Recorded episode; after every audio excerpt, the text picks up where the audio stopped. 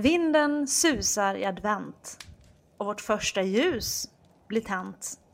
Barn som har det svårt i världen, Gud bevare dem på färden. Mörkret tätnar i advent och vårt andra ljus blir tänt. Gud bevare dem som gråter. Låt dem le och leka åter. Kölden biter i advent och vårt tredje ljus blir tänt. Gud bevare alla frusna. Ge dem värme, låt det ljusna. Julen nalkas i advent och vårt fjärde ljus blir tänt. På Guds lilla son vi tänker när de fyra ljusen blänker. Varmt välkommen till Kristna Datingpoddens adventsspecial. Med mig, P.O. Flodström. Apologet, entreprenör och opinionsbildare. Och Silla Eriksson. evangelist, entreprenör och opinionsbildare. Vi hoppas att våra adventsavsnitt ska få lysa upp de här mörka decemberdagarna och bidra med lite glorious energi vart ni än befinner er i vårt avlånga land.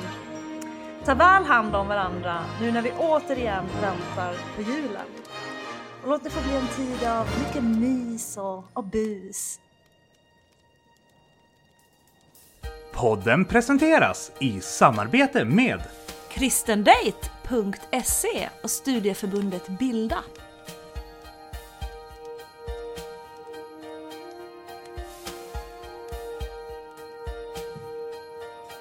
Välkomna till Kristna Datingpoddens nedräkning till jul! PO, vi kommer ju att släppa ett avsnitt nu varje vecka fram tills julafton. Ja, vi har ju en liten trilogi som väntar med familjen Elsander. Där vi kommer prata om att vila i Guds nåd, även när livet inte riktigt blir som vi hade tänkt. Och sen på fjärde advent så ska ju ni lyssnare få följa med mig, Silla och Kristin hem till Elise Linkvist, ängen på Malmskillnadsgatan, för att få höra lite om vad hon och Sankta Clara församling kommer göra nu i jultider. Ja, och sen kommer vi också spela in ett lite kortare julspecial i år med Fritjof och eh, Miss Nide. Ja, men jag tror det blir bäst att släppa det före jul i år. Alltså det var sjukt stressigt förra året Silla. När vi satt och gjorde hälften av intervjuerna på själva julafton och dina bröder höll på och spelade hockeyspel på nedervåningen och härjade så att det nästan hördes in i mikrofonerna. Ljudkvaliteten blev inte heller så bra när vi försökte sända live, så jag tror vi satsar på lite mer säkra kort i år. jo, jag kommer ihåg det. Men du, i år så blir det ju inte heller världens ensammaste jul nu när restriktionerna faktiskt har släppt. Så förhoppningsvis så är ju också förutsättningarna för att ha sällskap under julen lite bättre än vad det var förra året. Ja, jo men jag tänker detsamma. Men åh, PO, alltså du, skulle vi inte kunna försöka intervjua lite församlingar så här, utspridda över liksom hela landet kring liksom vad de kommer att erbjuda för verksamheter under julhelgen för de som sitter själva och du vet vill ha lite glorious sällskap så här. Så att vi kan liksom tipsa våra lyssnare. Ja, men det var en bra idé Silla, det borde vi verkligen göra. Um, jag ska sätta igång och mejla församlingarna direkt och se om vi kan få ihop ett någorlunda täckande karta över Samfund Sverige för julen 2021. Ja, och ni som lyssnar på det här kan väl också hjälpa oss lite grann att tipsa om vad som händer i just din församling under den kommande julhelgen. Ja, men det ser vi fram emot. Men du Silla, idag ska vi ta oss tillbaka till höstvintern 2019. Då Joakim Elsander tittade över till mig för att samtala om tro, hopp och död. Eh, mina kompisar Henrik, Emma och Erik var här också. Eh, och samtalet handlade om hur han i sin roll som sjukhuspastor på Falu lasarett mötte människor i kris och hur han tänker kring sin egen cancer och hoppet om en gud som både vill och kan hela. Ja, alltså jag kan ju tycka att allt det här liksom med sjukdom och helande och död och allt det. Jag kan uppleva, jag känner att det är lite svårt. Alltså jag har ju också lyssnat på väldigt många predikanter som så menar att vi liksom redan äger hälsa och liv i Jesus då han ju har krossat dödens bojor. Fast det betyder ju inte att det inte finns ohälsa och sjukdom. Ja, jo fast det, det har han ju. Alltså krossat Eh, dödens bojor. Men, men det jag ofta känner att förkunnare som är inspirerade av framgångsteologi missar är att en seger som Bibeln vittnar om handlar om nu men ändå inte. Alltså att de bojor som Jesus krossade var de bojor som höll mänskligheten i mörker och avskildhet från Gud. Genom Jesus seger över döden och synden på korset kunde vi människor ta emot Guds kärlek och försonas med honom genom att försonas med varandra. Då Jesus tog straffet för all den trasighet vi är oförmögna att förlåta varandra för. Men nu kan lägga ner som bördor vid just korset och lita på Jesus seger över dessa. Ja, alltså, alltså jag håller ju med om att Jesus seger på korset som möjliggör ju att vi kan leva i ljuset och att vi kan ha en personlig relation med honom.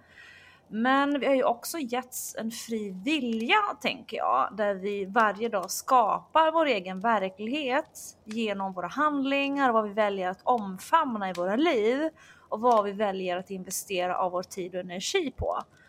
Alltså livet med Jesus innebär ju inte så här automatiskt att vi är befriade från sjukdom och ohälsa.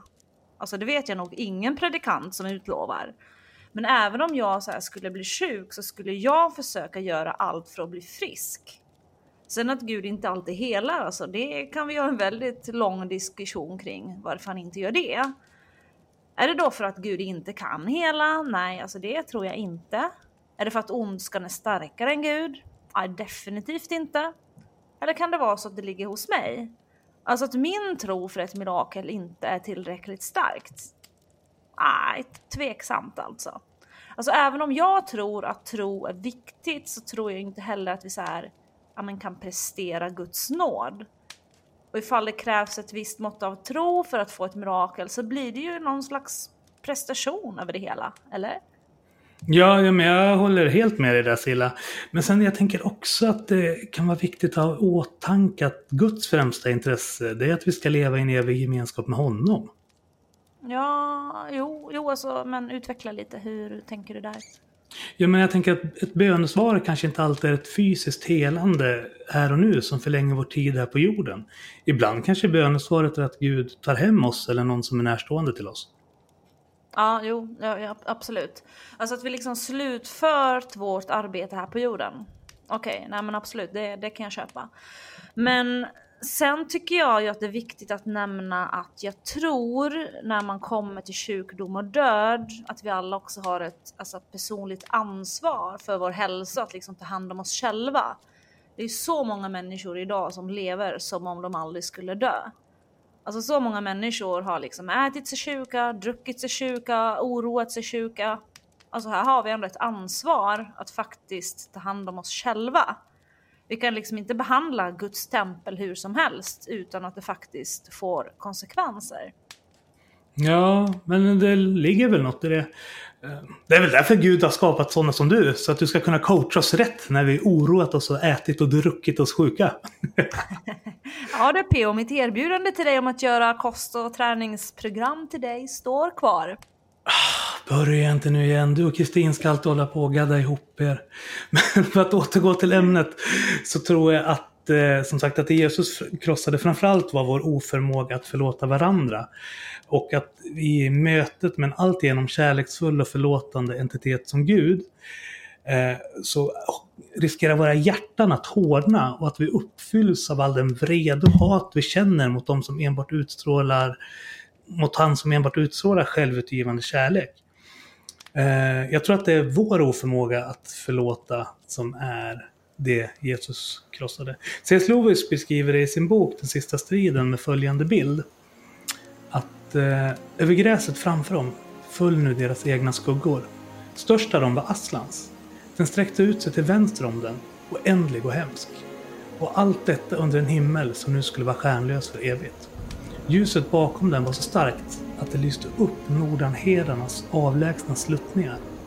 Något rörde sig där. Väldiga djur kröp och krabbade och ålade sig ner mot naveln. Sådana drakar och jätteödlor och fjäderlösa fåglar med vingar som fladdermöss. Det försvann in i skogarna och för ett ögonblick härskade tystnaden.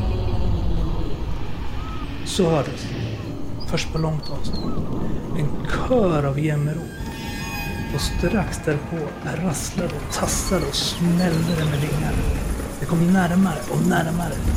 Snart kunde man skilja små fötter kilande från stora tassars lufsande och små klövars trippande från stora hovars dånande.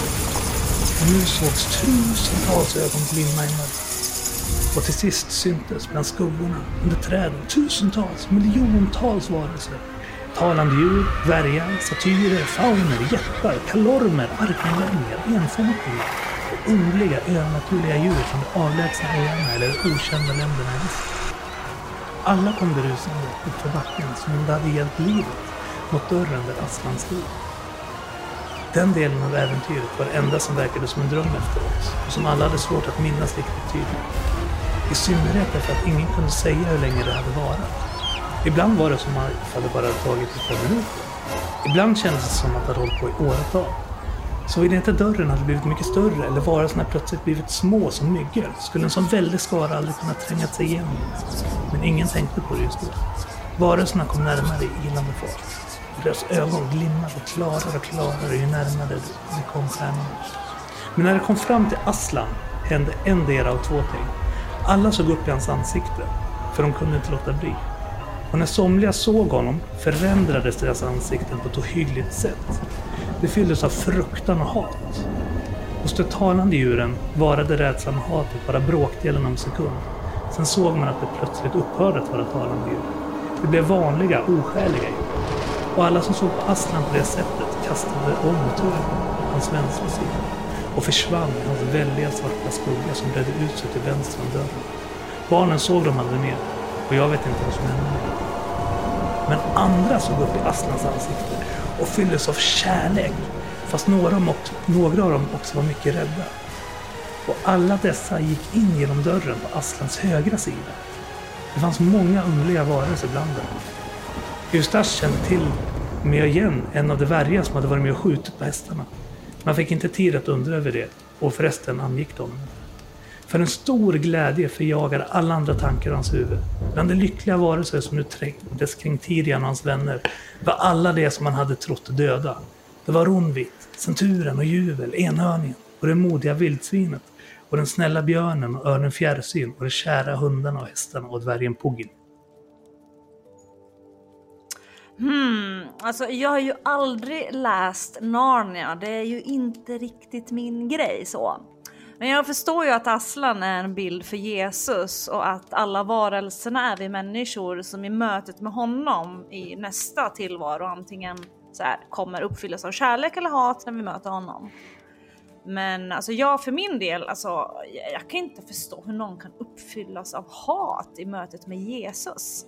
Alltså jag, jag har träffat honom och han framkallar verkligen inte vare sig fruktan eller hat. Men en sak som jag inte riktigt hängde med på här när du snörde in dig på Narnia var hur du tänkte kring det här med att Jesus krossat dödens bojor.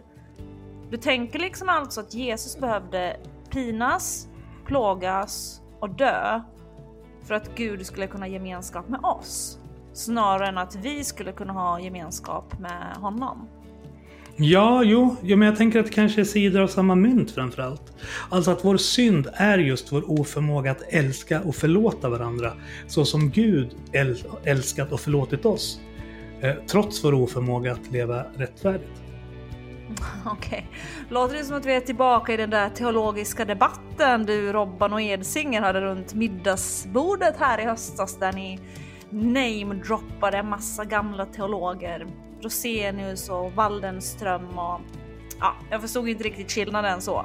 Tyckte mest att det lät som att ni var överens och letade efter liksom så här skillnader att överdriva för att ha någonting att typ prata om. ja, men då är det ju bättre att bli överens på riktigt som du och Robban. När du tyckte att Sverige behövde flera Joel Osteen. PO Sverige behöver flera Joel Osteen har jag ju sagt. Du har inte ens läst boken jag gav dig med honom än. Men, men, sure, det där kan vi prata om sen. Men du, vad tror du händer när vi dör? Alltså bortsett från att vi möts av ett metaforiskt lejon som antingen uppfyller oss med hat och skräck eller kärlek och vördnad. alltså i grunden är ju min övertygelse att Uppenbarelsebokens 21 kapitel är ganska korrekt beskrivning av vad som väntar oss på andra sidan.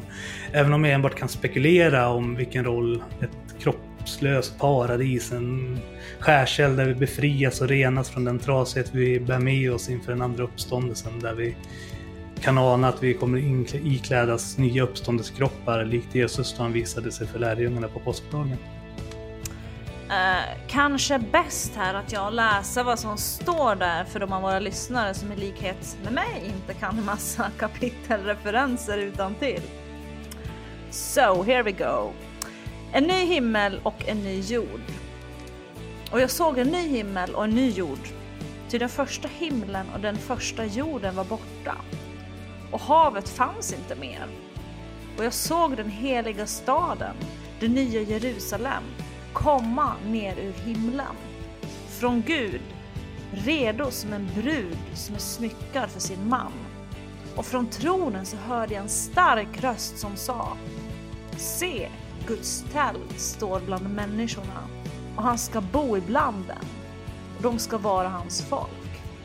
Och Gud själv ska vara hos dem och han ska torka alla tårar från deras ögon. Döden ska inte finnas mer och ingen sorg och ingen klagan och ingen smärta ska finnas mer. Ty det som en gång var är borta. Och han som satt på tronen sade Se, jag gör allting nytt. Och han sade Skriv, ty dessa ord är trovärdiga och sanna. Och han sade till mig Det har skett.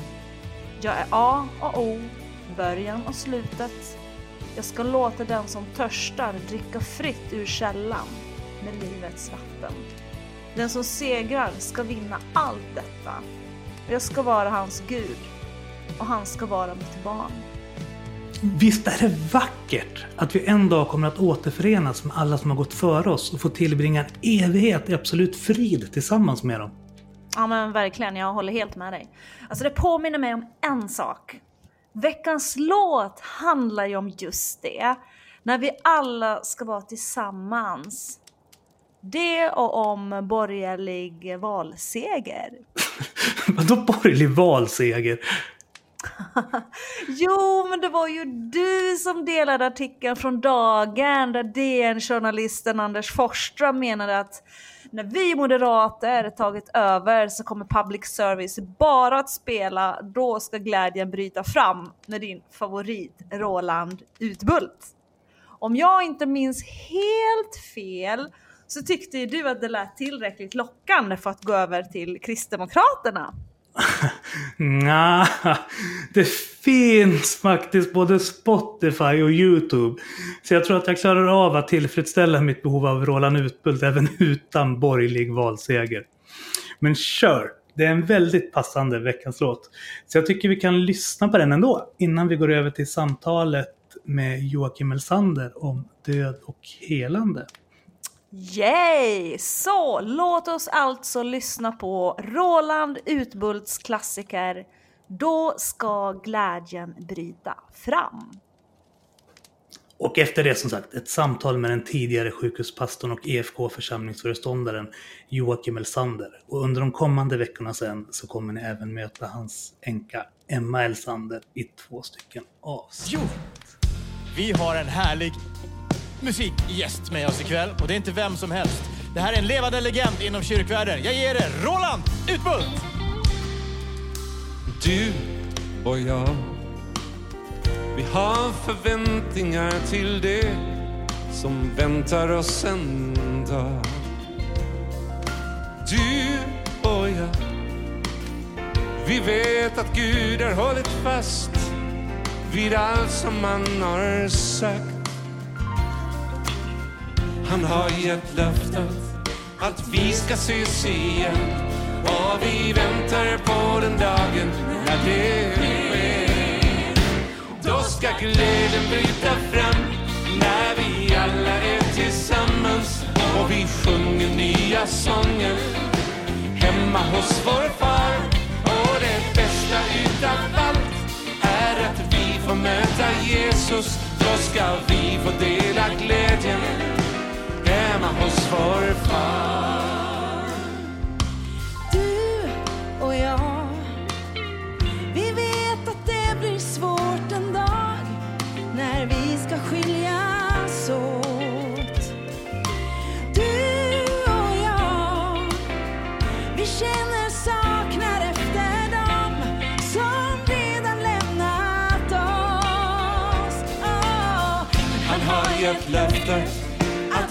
ska ses igen och vi väntar på den dagen när det sker. För då ska glädjen bryta fram när vi alla är tillsammans och vi sjunger nya sången hemma hos vår far.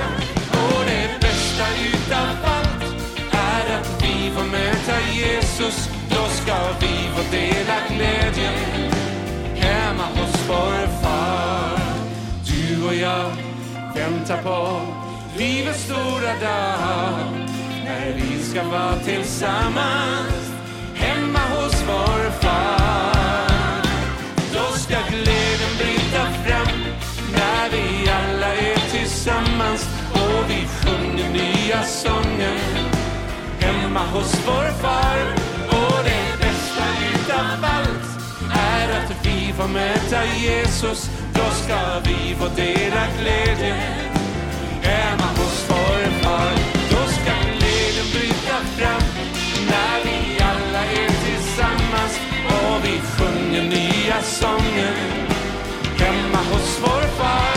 Och det bästa utav allt är att vi får möta Jesus. Då ska vi få dela glädjen hemma hos vår Ja, jag heter Joakim Elsander och då som P.O. sa jobbat i två år som sjukhuspastor i Falun på lasarettet där och också på Säters sjukhus. Sen har jag varit precis pastor i ungefär 20 år tror jag, allt som allt. Jag var 15 år i Borlänge här i en kyrka här i stan, Korskyrkan. Jag har då fem barn mellan åldrarna 7 och 19 och en fru.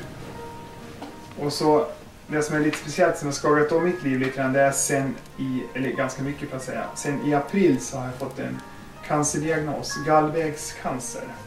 Alltså det är en cancer, det är inte levercancer men cancern är i levern, den sitter på, på, gall, på gallvägarna helt enkelt. Där då. Så just nu så får jag eh, cytostatika, cellgifter då, regelbundet och så. Och har hållit på med det nu i ja, hela sommaren egentligen och fortsätter för fullt.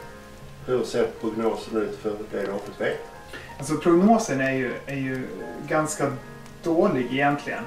Man pratar om att bromsa, bromsa upp den och då kan man bromsa den i, i några år säger min läkare. Så, Mm.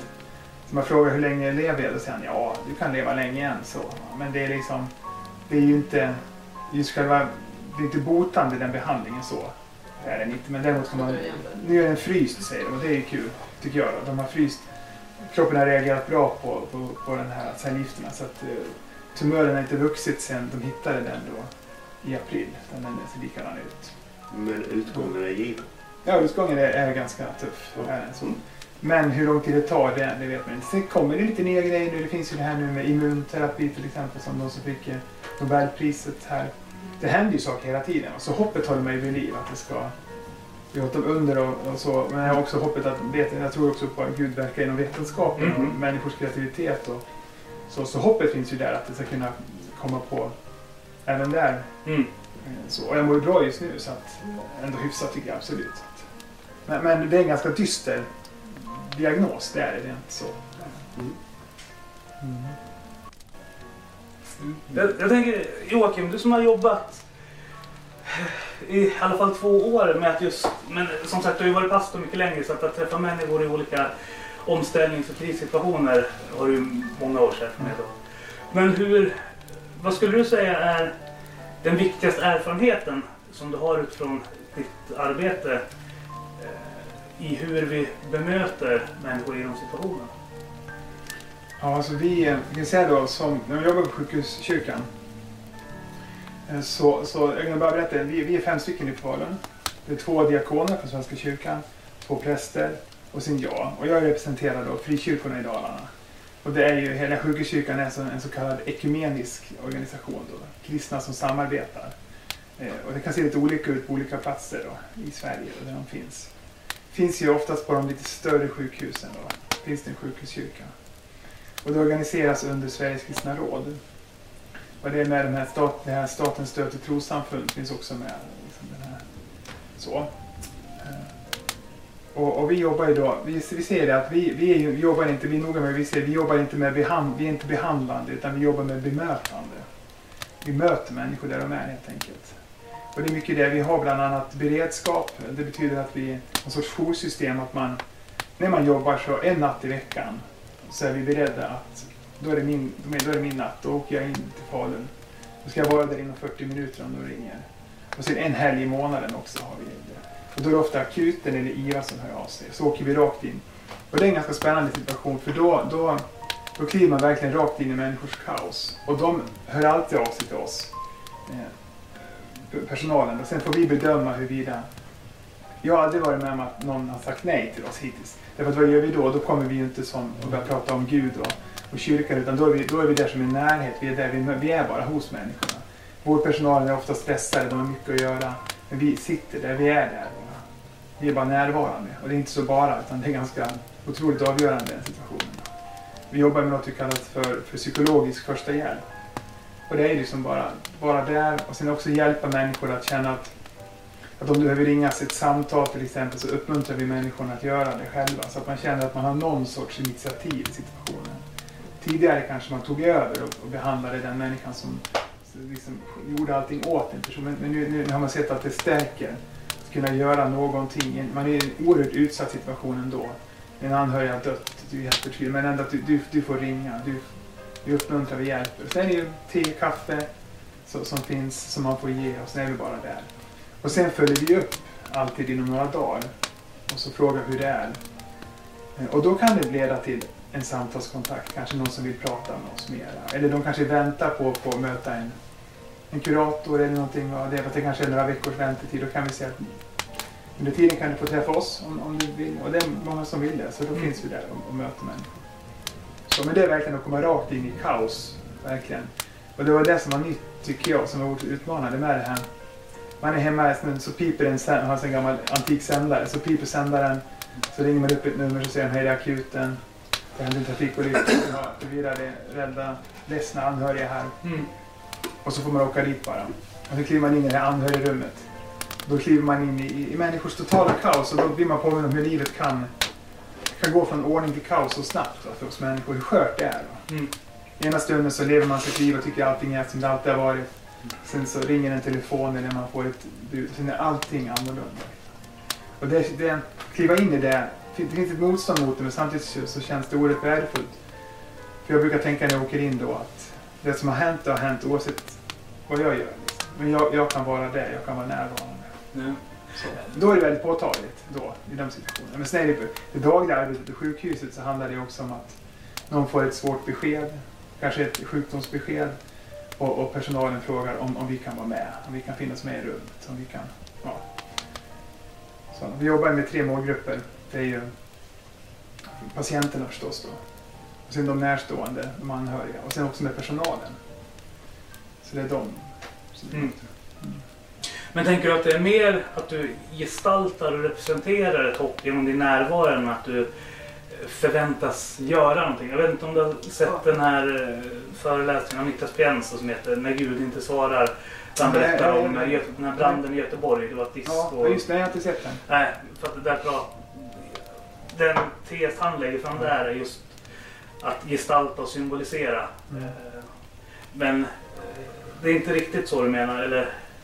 Ja, men jag tänker att bara att vi finns där i smärtan så är vi ju gestaltar vi hoppet i någon mening. Så mm. tänker jag absolut. Mm. Men så säger vi inte så mycket. Vi, vi pratar inte i det läget direkt. Utan vi lyssnar. Vi är närvarande. Så. Det pratet får komma senare, tänker jag. Om man, om... man kan inte skapa ett hopp i det läget där det redan är för sent. Så att säga. Ja, precis. Det är, Utan det är bara att man är där, att man står ut. Ja. Att man står ut tillsammans med människor i en oerhört mörk situation. Jag sitter och funderar på din roll känns för mig som inte så insatt ganska lik andra yrkesgruppers mm. roller på sjukhuset som kurator, psykolog. Vad känner du att du med din bakgrund och den tro som är central i din roll när du är där som själavårdare kan ge som möjligen inte de andra kan ge. Mm. Alltså dels så, så, så, säger vi det att vi vet ju att, att vi har ju läst, vi kan samtalsmetodik och vi, vi kan det här med att möta människor och så. Men vi är ju inte utbildade, vi är inte psykologer. Vi, är, vi låtsas vara kuratorer heller utan vi är ju här som kyrkan då Eh, Och det vi kan ha, men det är lite olika. Man ska, det finns kuratorer som är fantastiska och pratar om de existentiella frågorna också. Det finns psykologer som är det. Men det är väl våran, liksom, de vet ändå att vi är kyrka på något sätt. Vi är sjukhuskyrkan som är där. Eh, Och därför så kan samtalen, ofta glider de in på, lite lättare in på existentiella frågor. Så kan ju vi göra det om någon säger så här till exempel att eh, kan du läsa ett, ett, ett bibelord? Ja, det kan jag göra. Kan du be en bön man och då kan jag göra det. Och det har jag väl en lite större frihet att göra tror jag än vad du gör som, Mm. som kurator eller psykolog tänker jag. Det, det, vi, vi, och, och, och det som är intressant är att man brukar säga att svensken är så otroligt sekulariserad. Vi, vi, vi, ni har sett de där undersökningarna, vi är längst upp i hörnet som de mest, Mm. mest individualistiska sekulariserade länderna. Mm. Men, men i sjukhusmiljön, det är lite spännande för den bryter lite grann. Därför att människor som råkar ut för någonting, då är man, väldigt få är övertygade. Alltså är inte så, människor kan, jag blir förvånad flera gånger människor säger så här, men som inte alls har en, ett engagemang i någon kyrka, vare sig svenska kyrkan eller en frikyrka, kan säga läs ett bibelord. Kan du läsa ett Ja, okej, säger jag, nästan förvånad blir jag. Så läser jag ett bibelord. Eller man ber en, ber en bön. Och då, ja, det är lite spännande. Mm. När man är utsatt på något sätt då, då, då är man inte lika hardcore sekulariserad längre utan då krackelerar den ytan lite grann. Mm. Vi har också en, en, vi har ett litet stilla rum, ett litet kapell som vi säger på sjukhuset, Sankt Lukas heter det. Eh, Och där finns det ju en, en bok där människor skriver ner sina skriver ner sina tankar helt enkelt på olika sätt. Och det är ju mest de som skriver där, det ser man hur det skrivs. Det är inte människor som är vana vid det religiösa språket utan det är vanliga svenskar som skriver. Mm. Men det är otroligt många, det är både hopp och förtvivlan verkligen. Och Gud nämns ju ganska ofta liksom där i den här boken. Och så. Man är väldigt ärlig och öppen. Ja. Det tycker jag är jättespännande bläddra i den. Det också- Den talar också emot det här att vi är så sekulariserade, Ja. tänker jag. Men jag tänker, du är ändå föreståndare i ett karismatiskt sammanhang. Har varit i alla Ja, fall. har varit i alla fall. Ja. Ja. Eh, Hyfsat karismatiskt. Fredkorskyrkan kanske inte är den mest karismatiska församlingen vi kan hitta. Nej men Evangeliska Frikyrkan Ja, ja, liksom, som, Ja. som samfund så. Eh, och du har tidigare bejakat trosförkunnelse, liksom att eh, vi äger hälsa, vi äger framgång, vi äger lycka. Eh, Bettel har väl en, en ny version av det och Hillsong också. Alltså det, just det här att eh, i din identitet som Guds barn så äger du rätt till eh, liksom olika delar av eh, Guds riket. Så. Hur... För jag tänker, när man är inne i en miljö... Nu har inte du kanske varit trosförkunnare så på många år. Det, det, det är många år sedan tidigt 90-tal när jag var tonåring. Som jag, hade, jag, var, jag var ju aldrig livets... Jag var aldrig med i Livets Ordsförsamling. Så Okej. jag åkte mycket till deras konferenser och så. Jag tyckte det var lite häftigt så. Tidigt, 90 slutet, sent 80-tal, tidigt 90-tal. Mm. Och hade alla, man kunde på den tiden ha mycket kassettband och man kunde lyssna på såna här olika predikanter av alla möjliga slag och nyhetsbrev och så här. Va? Så då var jag i den världen. Men sen började jag läsa teologi sen under 90-talet då, på samma skola som du då. Ja. Och då var det mycket av det här som fick omprövas. Verkligen. Kommer ihåg, när vi lärde känna varandra, det var en av de första grejerna du reagerade. Du började så här blänga på mig när du såg att det stod Ulf Ekman VHS i. Ja. Ja, sen, sen hade jag min första pastortjänst, det var i Heby kommun. I två små församlingar i Tärnsjö och Östervåla. Och det är ju ganska nära Uppsala ändå, så då mötte jag ju en del människor då, då som hade blivit, nu pratar om sent 90-tal, som hade blivit tilltufsade utav den miljön då. Faktiskt. Alla blev inte det, men några blev ju det. Mm. Men hur kom det sig att du började ompröva den förkunnelsen? Då finns det inget samband mellan det och att du har varit i en miljö där eh, liksom, livets skörhet... Nej, alltså den, den, den prövningen gjorde jag ju tidigare, Ja. alltså än nu, än Mm. nu. Oh, ja. Den skedde ju redan på 90-talet då. Mm. Men sen är det ju hela tiden man, man får ju liksom... Man är ju under, vi som människor, oavsett hur vi är så förändras vi. Vi tänker och vi växer och vi funderar och vi upptäcker nya saker och vi... Men du tog ändå inte undervisningen eh, som ett eh, bevis på brist på tro hos lärarna? Att det, Du menar när jag läste i Örebro? ja, precis. Ja, men jag hade väl någon liten kritisk fas sådär i början men, men ganska snart så. Det hände saker också på det personliga planet. Det var människor som, som, som, som blev sjuka och som dog fastän alla gjorde rätt och enligt det tänket och som man har där man ska be och man ska göra på ett visst sätt. Jag inser att det finns ingen automatik i det här, det insåg jag redan. Och sen så blev det snarare så att Eh, Man lär sig, som hade en högskoleutbildning som alla andra, även om den är en, en, en, i- arrangeras av samfundet är en del av. Så man får ju lära sig tänka kritiskt också. Det var ju väldigt nyttigt tänker jag för mig att göra det. Det tror jag alla behöver göra. Vrida och vända på saker och ting. Och att eh, och även förstå vad Bibeln är för sorts bok. Det tycker jag fortfarande är spännande. Hur man närmar sig en, en flera tusen år gammal bok. Av 40, mer än 40 olika människor Mm. under en lång tidsperiod. I en helt annan kultur än vår. Liksom, hur närmar man sig den? Mm. Och det fick jag ja, redskap att göra under mina studier. Ja. Mm. Men de som, för att det, jag är också del av pingströrelsen och där även inom mainstream pingst så finns det ju en väldigt stark tilltro just på att Gud både kan och vill hela, alltså Mm. bönens kraft är någonting som ligger i förgrunden i teologin så och även inom delar av Ja, evangeliska absolut. kyrkan. absolut. Ja. Eh, hur, hur får du ihop de två delarna i din tjänst? Att Mm. liksom stödja och uppmuntra till sund karismatik Mm. samtidigt som eh, du liksom har den själavårdande och pastorala omsorgen om att inte... Du, I din podd eh, så pratade din eh, dotter Mm. om att eh, hon tyckte det var, jag vet inte om hon använde uttrycket jobbigt, men att det i henne liksom ändå hände någonting när hon var på kristna tonårslägren under sommaren. Du hade precis varit med i Dagen där du berättat om din sjukdom och så. Och att många unga kristna i all välmening kom fram till henne och sa att ja, men vi vet att han kommer att bli frisk. Just. Eh, just utifrån ja, men Bettelförkunnelse, Hillsong förkunnelse om att så här, i blodets kraft äger du hälsa och frihet. Liksom. Mm. Så det, det finns ju liksom inget, inget elakt eller dumt Nej, nej. i att de säger så, men det skapar ändå en... Så, ja, hur kan ni veta det? Liksom. Mm. För att det är en process hela tiden också när du har någon närstående som eh, du vet är allvarligt sjuk och som kanske inte kommer finnas med dig vid den här tiden nästa år. Och så. Men jag tänker ju själv säga, så säger jag också att jag tänker att jag ser det här med ett under, om man tänker det som något spektakulärt, liksom annorlunda som verkligen kommer oförklarligt på något sätt. Då tänker jag, jag, jag ser det som en dörr som jag har, har på, på glänt. Liksom. Jag är öppen för att det skulle kunna hända. Jag stänger inte den dörren så. Jag tror, för så, så min världsbild är sån att jag tror att Gud kan, på en Gud som kan gripa in och göra det ovanliga. Men samtidigt så tänker jag att det, det, det är vi har det här livet att förhålla oss till också och det är just något ovanligt när det händer. Liksom så. Och det tycker jag min erfarenhet säger också utifrån människor jag har mött och, och, och bett för och så som pastor också.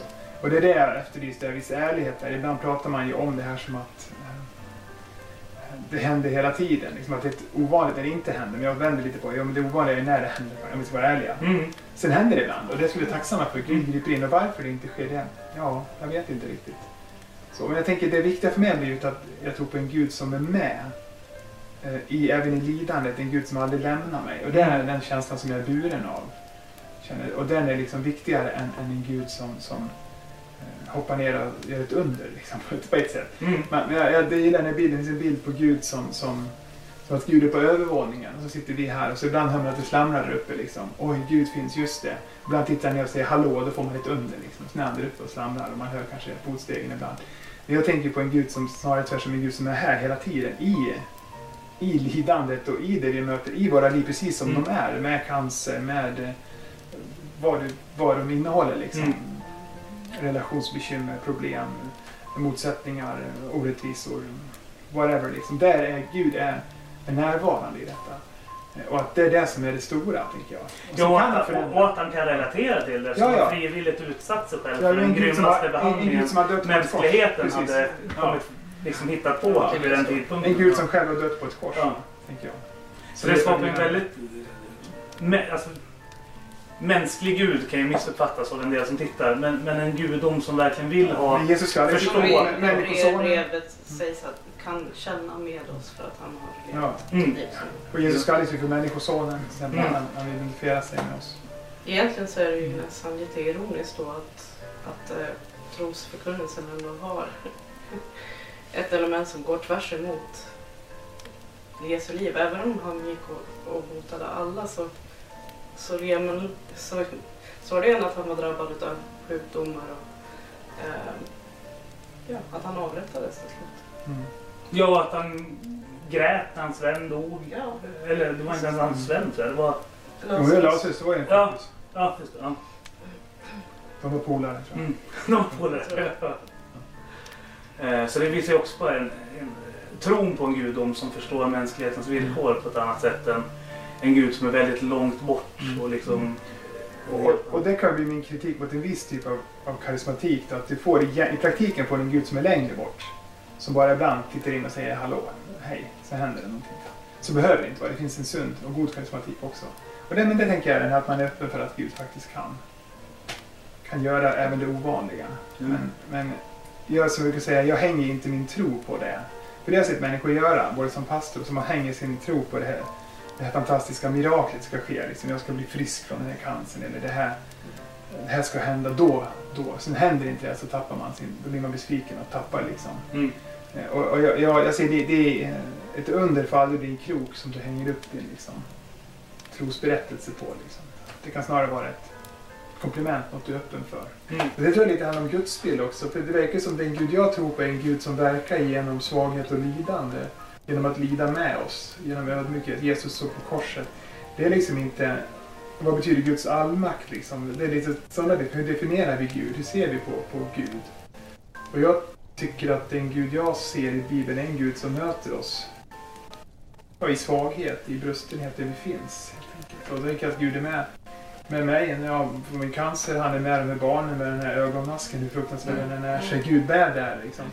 Eh, Att det är det som är grejen med Gud, att Gud är med oss. Att Gud, använder, Gud är inte den här guden som, som eh, kavlar upp armarna och liksom...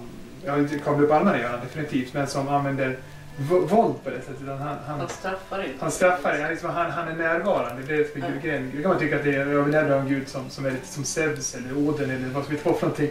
Som liksom plockar fram men, men samtidigt är det så Gud strider, det är så Gud vinner också. Kär, alltså, det står det, Paulus skrivit, eh, besegrar det onda med det goda. Det är det goda som besegrar det onda till slut. Och det är så jag tänker på korset också, att Jesus, Jesus besegrar det, onda genom att ge sitt liv. Så. Det var vår vrede, vårt hat, vårt behov av syndabockar som gjorde att vi dödade Gud, Mm. vi dödade Jesus. Eh, Men i det så förlåter Gud oss och vi ger oss Gud sin kärlek. Det riktigt verkar vara på något sätt Guds handlande. Mm. Som jag förstår det. Så förklarar inte det allt, det är inte svar på allting. Det är fortfarande fruktansvärt att barn ska behöva lida och drabbas av sådana här saker. Liksom. Det är ju. Mm. Sen det här med ar- arvssynder vi pratar om, det är Augustinus och det har ju, vi, har ju följt i den lutherska kyrkan också. Men så finns det också, det är sant att världen är skev, liksom, att det finns en brustenhet. Men så finns det ju också perspektivet, jag brukar ju också, den ortodoxa kyrkan brukar betona att från början så sa Gud att allt var gott också. Mm. Det börjar inte med att människan syndar, det börjar med att allt var gott. Ja. Sen så kommer synden in och hur vi ser på det.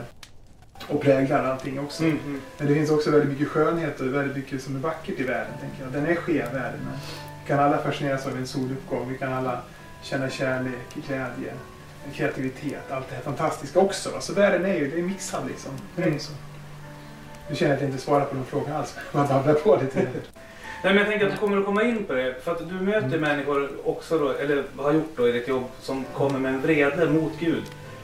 Antar jag. Ja, det händer ju. Över varför jätteofta, men det händer ju. låter Ja. det drabba dem eller Ja. människor som betyder mycket för dem. Så.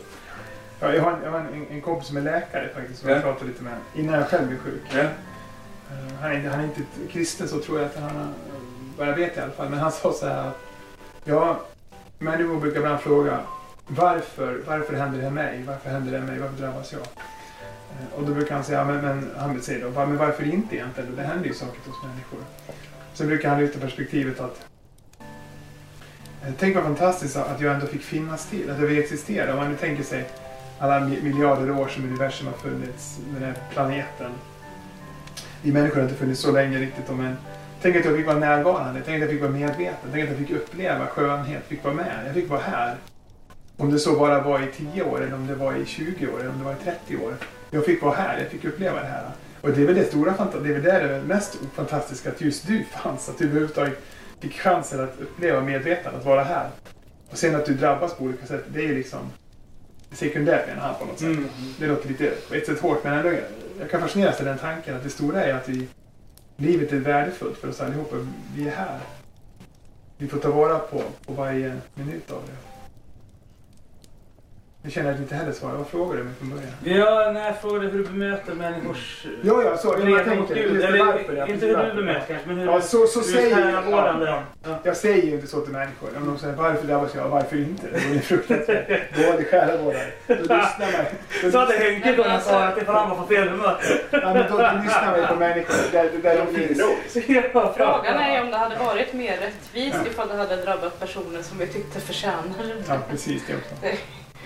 Nej. Men man får lyssna på människor och förstå att det ja. Jag skulle så gärna vilja bli lite mer personlig. Bli intresserad av, av det öde du sitter i just nu. Hur tar man emot ett sånt besked?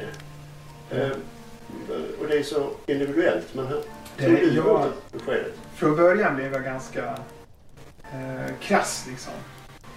Eh, ska jag säga rationell på något vis. Ja. Så. För då tänkte jag så här, så tänker jag fortfarande till viss del att ja men okej jag är 46 nu, jag var 45 då.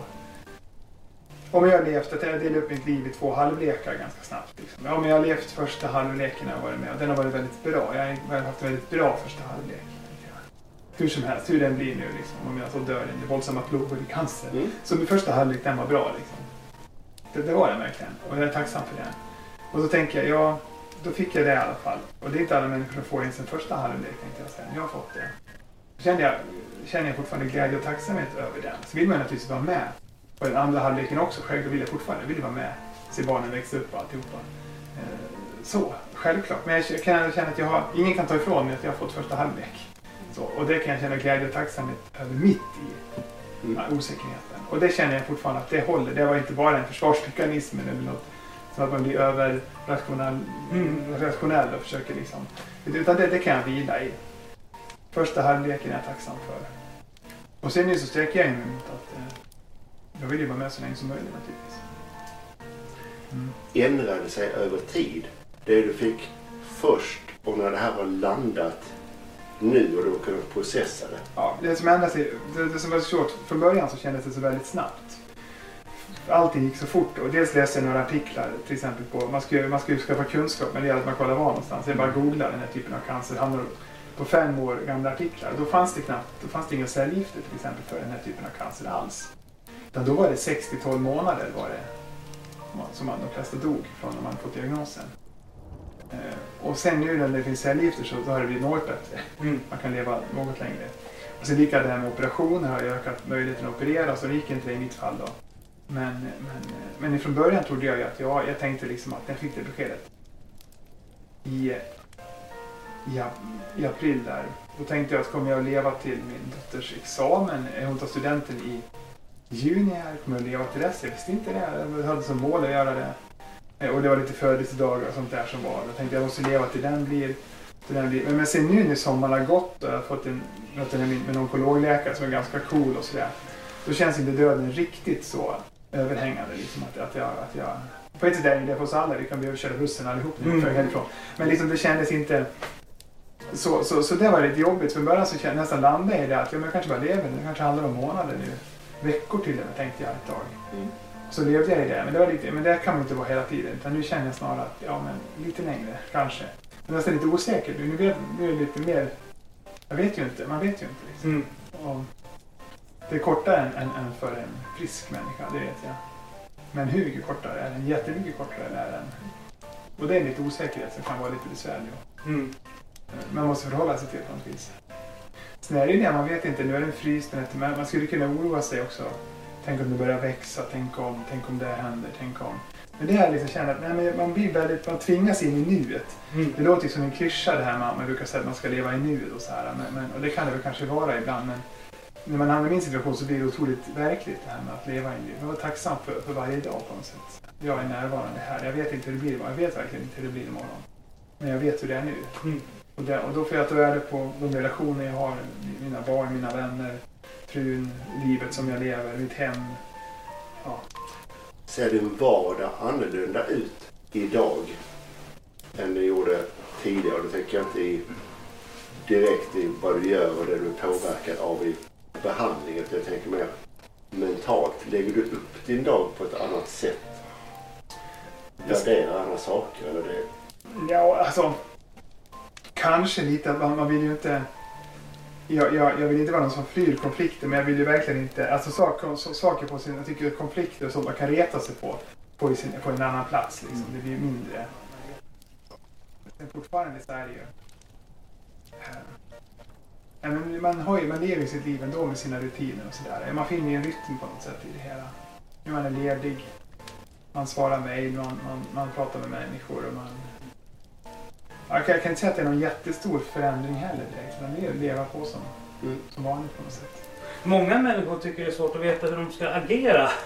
Både mot en person som har fått ett sånt här sjukdomsbesked och de människor som finns i personens närhet, familj, barn och sådär. Har du några tankar och tips där? Det är ju väldigt individuellt som Ja. allting annat. Men men jag tänker att man, man, man, man, får, det låter ju det enklaste men så svårt. Man får vara sig själv bara och, och, och möta människor. Man kan ju fråga hur det är kanske lite grann fast då man ju känna lite hur man... mm. Det är, lite svårt, det är jättesvårt det för jag, jag kan själv reagera väldigt olika beroende för, på hur jag du, för du har mår. ju pratat om att du har behövt sätta upp en, en viss gräns för familjens skull. Ja, men det var ju så här lite märkliga människor som ville komma och, och skulle be för mig i början och sådär. Men det, har- det har gått över nu. Det är Mm. inte något sånt.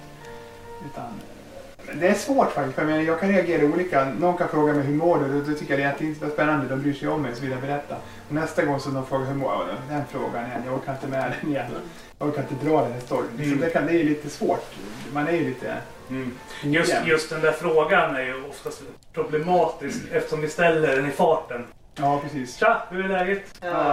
Eh, om 30 sekunder ska jag gå vidare till nästa person och Ja, Alltså, så här, vi, vi ställer den frågan utan att egentligen mena den. Det, det som kan vara lite jobbigt uppleva det är väl den här lite så här, oh, stackars dig, hur mår du? Hur är, oh. det, det blir jag lite allergisk emot. Det är svårt att hantera tycker jag, när det blir så. Och det menar jag, människor menar väl bara väl, Mm. menar väl omsorg i det också. Men det- nu är det säkert någon som undrar när du sa, sa att det var en del som ville komma och be för dig och du fick tacka nej. Mm. Varför?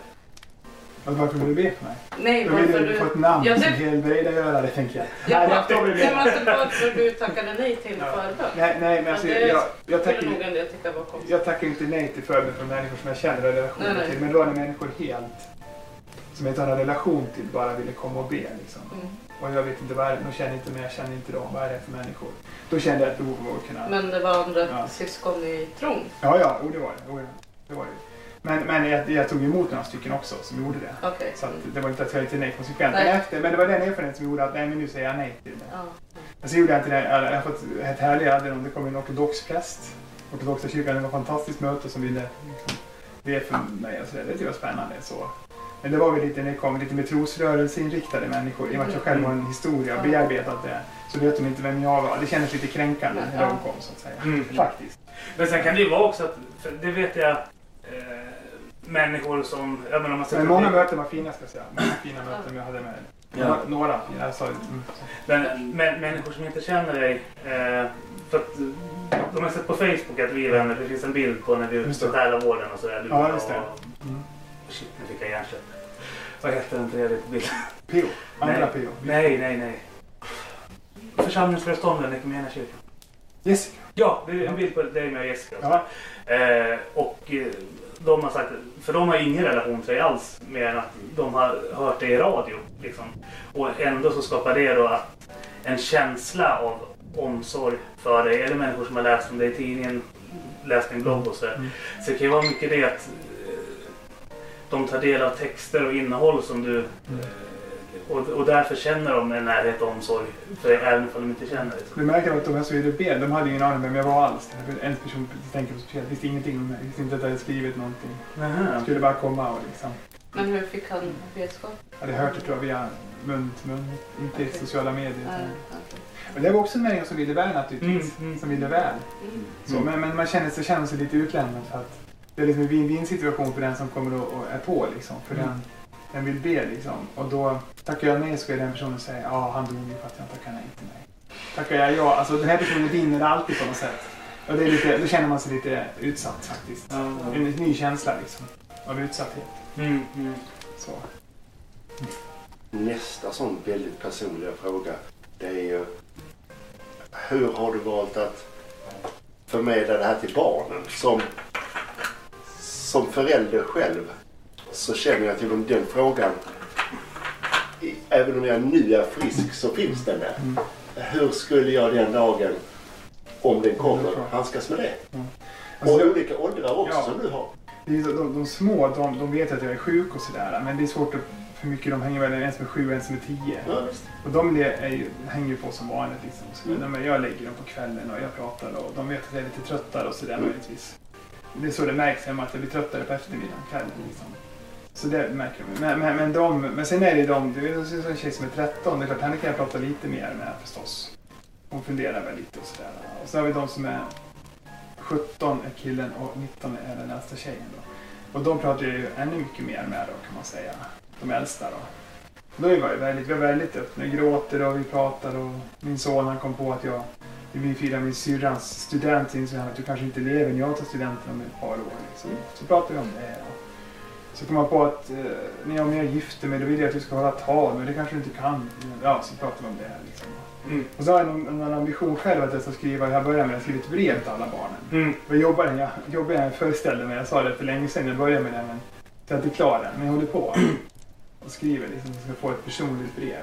Så jag vill spela in någonting jag tänkt också, liksom, typ säga något. Så. Men det är ett tips till dig Henrik, för det kunde jag känna också att för min mamma hade inte lämnat kvar någonting. Hon hade inte skrivit någonting eller spelat in någonting eller någonting sånt där. Eh, att eh, skriv brev som din, någon av dina syskon i så fall kan läsa upp som en hälsning när de gifter sig. När det är liksom, Så att de finns med, eller så att du finns med även ifall du inte är där. så. Eh, om man liksom ska ta barnets perspektiv. Men jag har faktiskt det på att, att, att göra agendan. Eh, för att som du sa innan, man vet ju inte. Det kan vara bussen när vi går härifrån. Eh, det är inte så sannolikt men det kan hända. Och sen likadant som du säger nu, men hur mycket ska jag? Nu är jag fortfarande frisk och det märks inte men det kommer även för de mindre en, ett stadie när om man blir sämre. Eh, då måste jag ta mer av förklaringen. Mm. Och var lägger man liksom nivån i att skydda och ge kunskap och förutsättningar för att kunna ta in det. Mm. Och sen så olika åldrar och utvecklingsfaser. Som förälder och som så mycket tänkare som jag är så, så finns den där även när jag är frisk. Hela tiden. Och det är svårt alltså. Det är jättesvårt. Ja. Måste vara det. Men, men, men vi har i alla fall sagt att vi, vi är öppna med att det är är farlig, det är en, det är en svår sjukdom och så. Mm. så. Men sen är det ju abstrakt i och med att vi är lika som vänner som jag träffar ibland. Så där. De, träffar man mig vid rätt tid så kan man inte ha man ingen aning om att jag är sjuk överhuvudtaget. Liksom. Nej, då är du som du brukar vara. Ja, men, alltså, så här, jag märker ju själv att det är en del, man tappar ju, cellgifterna sätter sig väldigt mycket på muskler. du är inte lika vass kanske. Du är Nej. mycket snällare i Okej. sättet du pratar. Men vad fint det. men, Ja, Ibland är han jätteotrevlig. nej, men, men man märker ju lite, kroppen är inte sig lik. Man känner igen sin kropp riktigt då. Men, men ja, kanske så. Psyket också annorlunda. Men, men eh, ja. Men det är viktigt i alla fall att de är med, tänker jag. Att de, för de, de, går ju, de är ju med om det här vare sig de vill eller inte. Där, så, så är det ju bara. Då. Jag har ju fått den här sjukdomen så det är ju bara att försöka göra det bä- bästa åt det. Men ändå informera och prata om det. Mm. Och så. har du varit med andra föräldrar som har hamnat i samma situation i din roll som pastor och så? Nå, nej, inte riktigt faktiskt. Det har jag inte med. Jag har ju sett det som hastigast kanske. Men inte funnits med i längden så, nej. Mm. Det har jag inte Äldre människor, ja, men inte, kanske inte precis min situation med små barn. Så, nej. Mm. Yes. Jag tänkte vi skulle börja avrunda den här del 1. Om tre, fyra veckor så kommer det förhoppningsvis en del 2 då med där vi har med oss Martin Hårsmar och Remar och Wennerfors och vi ska diskutera lite mer abstrakta teologiska frågor om universum och eh, allt däremellan. Men är det någonting som ni vill eh, avsluta med? Fråga till Jocke eller reflektion? Eller? Erik, du har varit ovanligt tyst Ja, nej, det är mycket intressant att sitta och lyssna. Och... Frågor, ja. Nej, jag tycker Henrik tog ju bra i många frågor på slutet. Frågeställningar om... Du som också är förälder, finns det några tankar utifrån den? Ja, det är klart det gör det. Det är precis som Henrik säger. Liksom om, om det händer någonting eller hur, hur gör man då? Eller liksom, och, så, precis som du säger, sådana tankar tänker jag också. Om det händer någonting, hur, hur gör man? Liksom. Tror jag den... Det är väl en fråga som kanske alla föräldrar ställer sig mer eller mindre. Eller man bör ställa sig.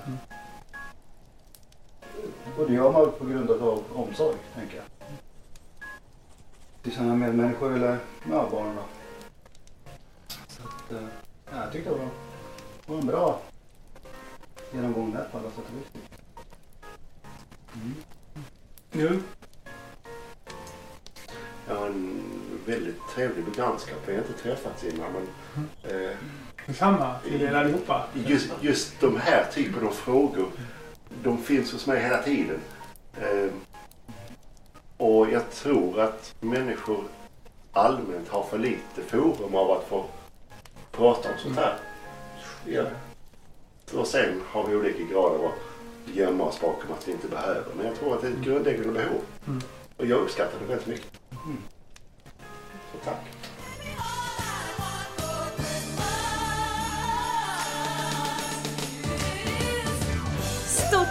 För att du har lyssnat på Kristna Datingpodden. En livsstilspodd i samarbete med kristendate.se och studieförbundet Bilda. Med mig, Silla Eriksson och Med mig, P.O. Flodström. följ oss på kristendate.podbean.com och Spotify.